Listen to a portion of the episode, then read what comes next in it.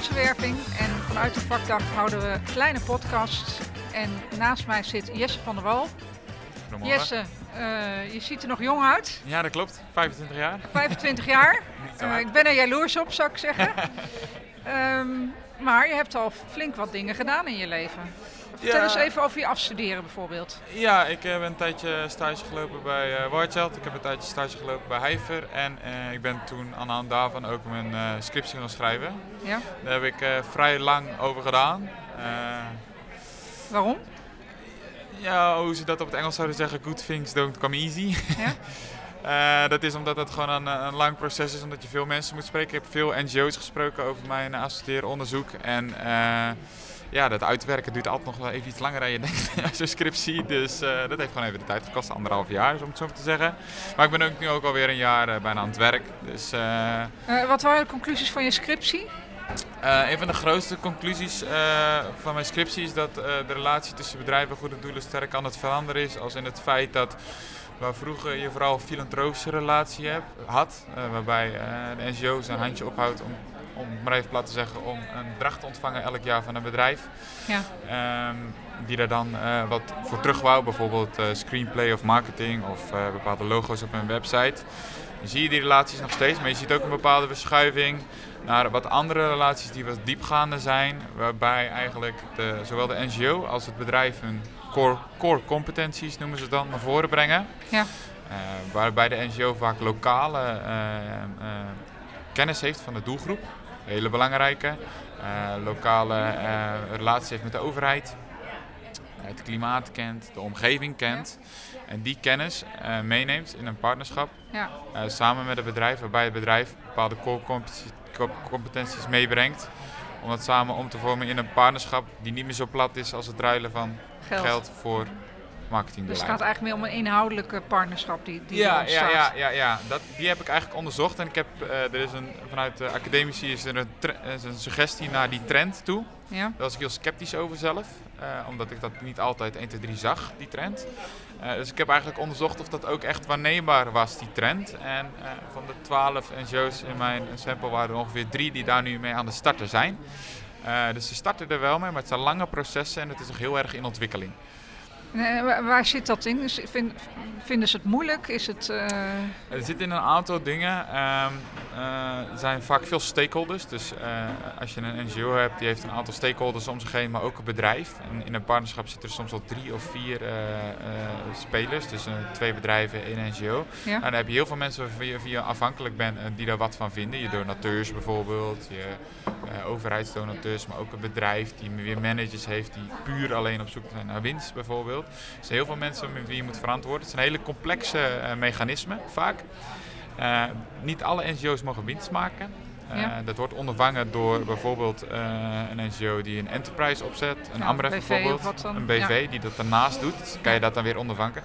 Maar een ander belangrijk facet dat heel moeilijk is voor zowel bedrijven als NGO's, is het claimen van impact.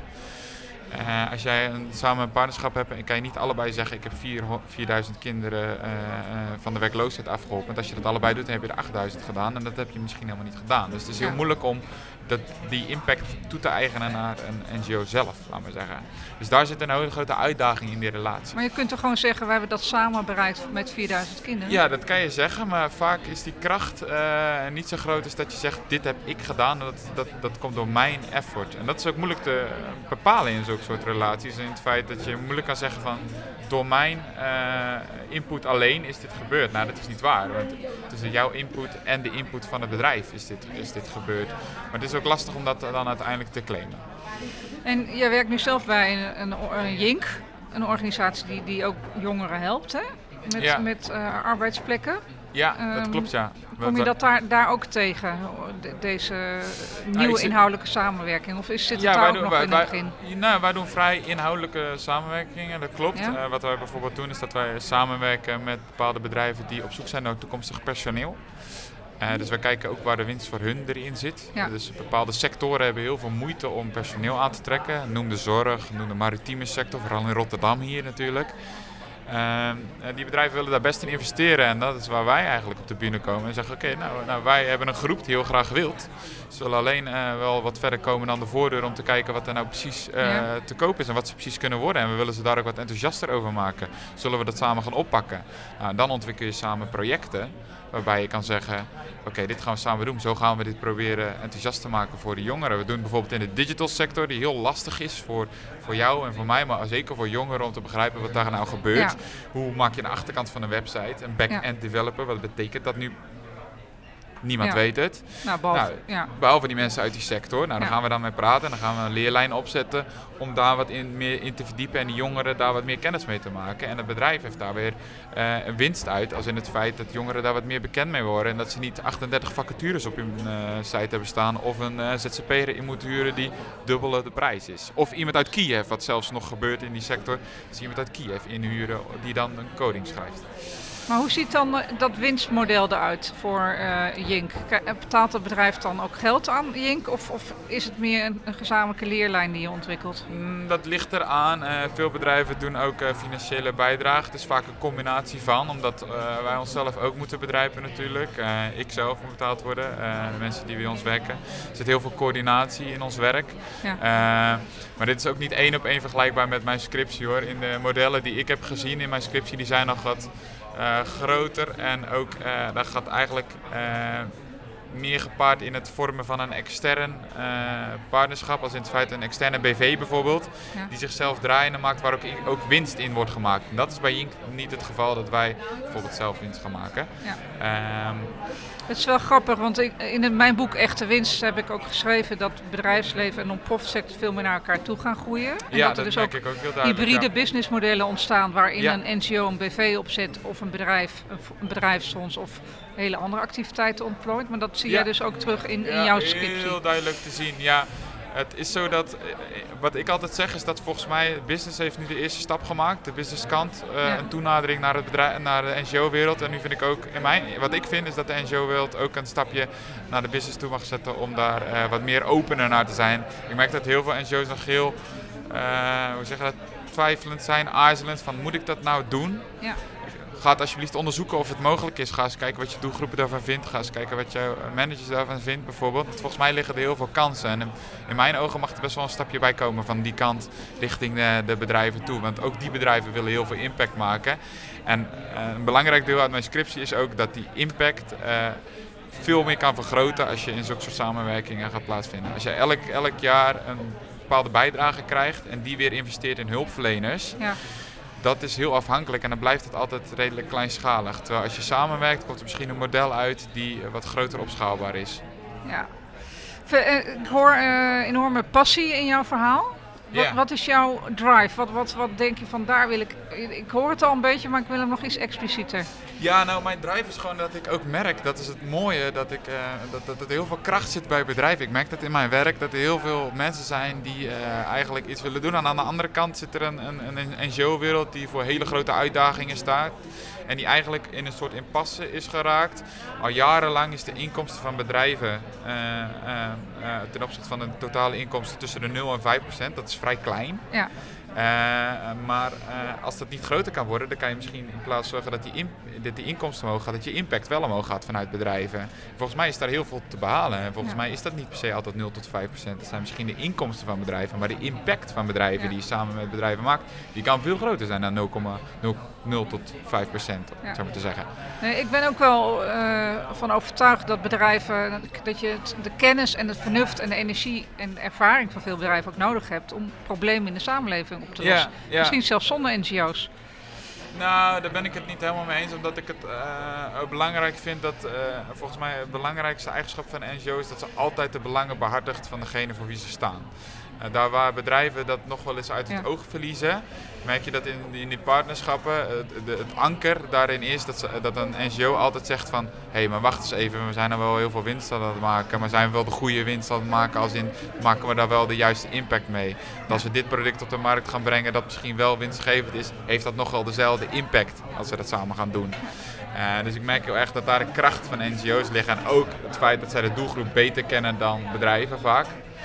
Eh, bedrijven die willen vaak naar nieuwe markten, maar die kennen die nieuwe markten helemaal niet. Ja. Die kennen de doelgroep helemaal niet. Nou, daar ligt een hele een, uh, uniek selling point, om het zo maar te zeggen, voor, voor NGO's dan weer.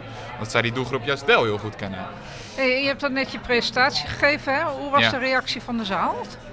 Uh, nou, er waren veel vragen. Het is moeilijk om een 100 pagina lange scriptie onder te vangen in uh, 25 minuten presentatie. Ik heb Ja. er zelf heel veel moeite mee, ook omdat je van het Engels naar het Nederlands moet vertalen. Mijn scriptie is in het Engels. Ja.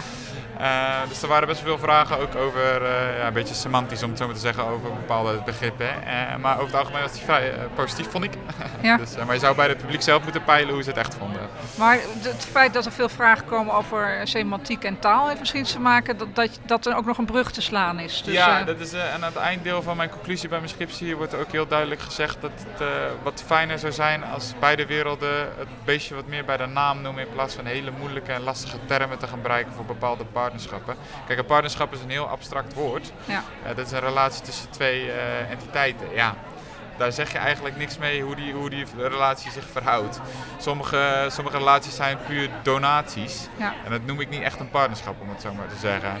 Uh, dus daar zit nog heel veel winst te behalen voor beide partijen. En ik heb dat ook wat aangescherpt in mijn scriptie. Nou, ik ben uh, je zeer dankbaar dat je hier een, korte toelichting wilde geven. En op je Ja, scriptie fijn. en op je werk. Waar, waar, waar, zit je over tien jaar, tot slot? Waar ik over tien jaar zit? Ja, goede vraag.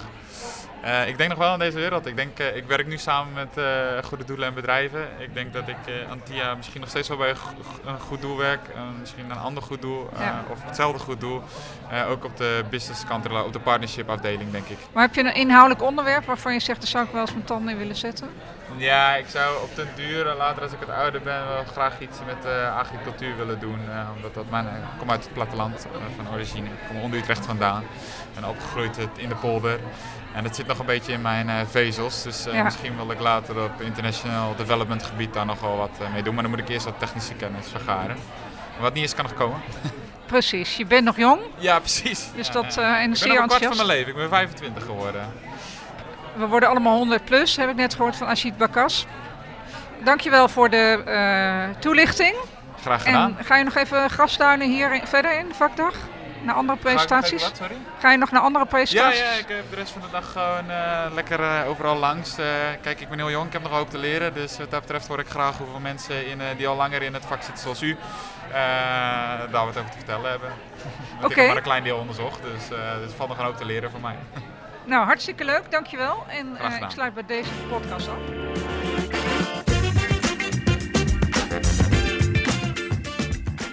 Leuk dat je luisterde naar deze podcast, opgenomen tijdens de Vakdag Fondswerving 2019.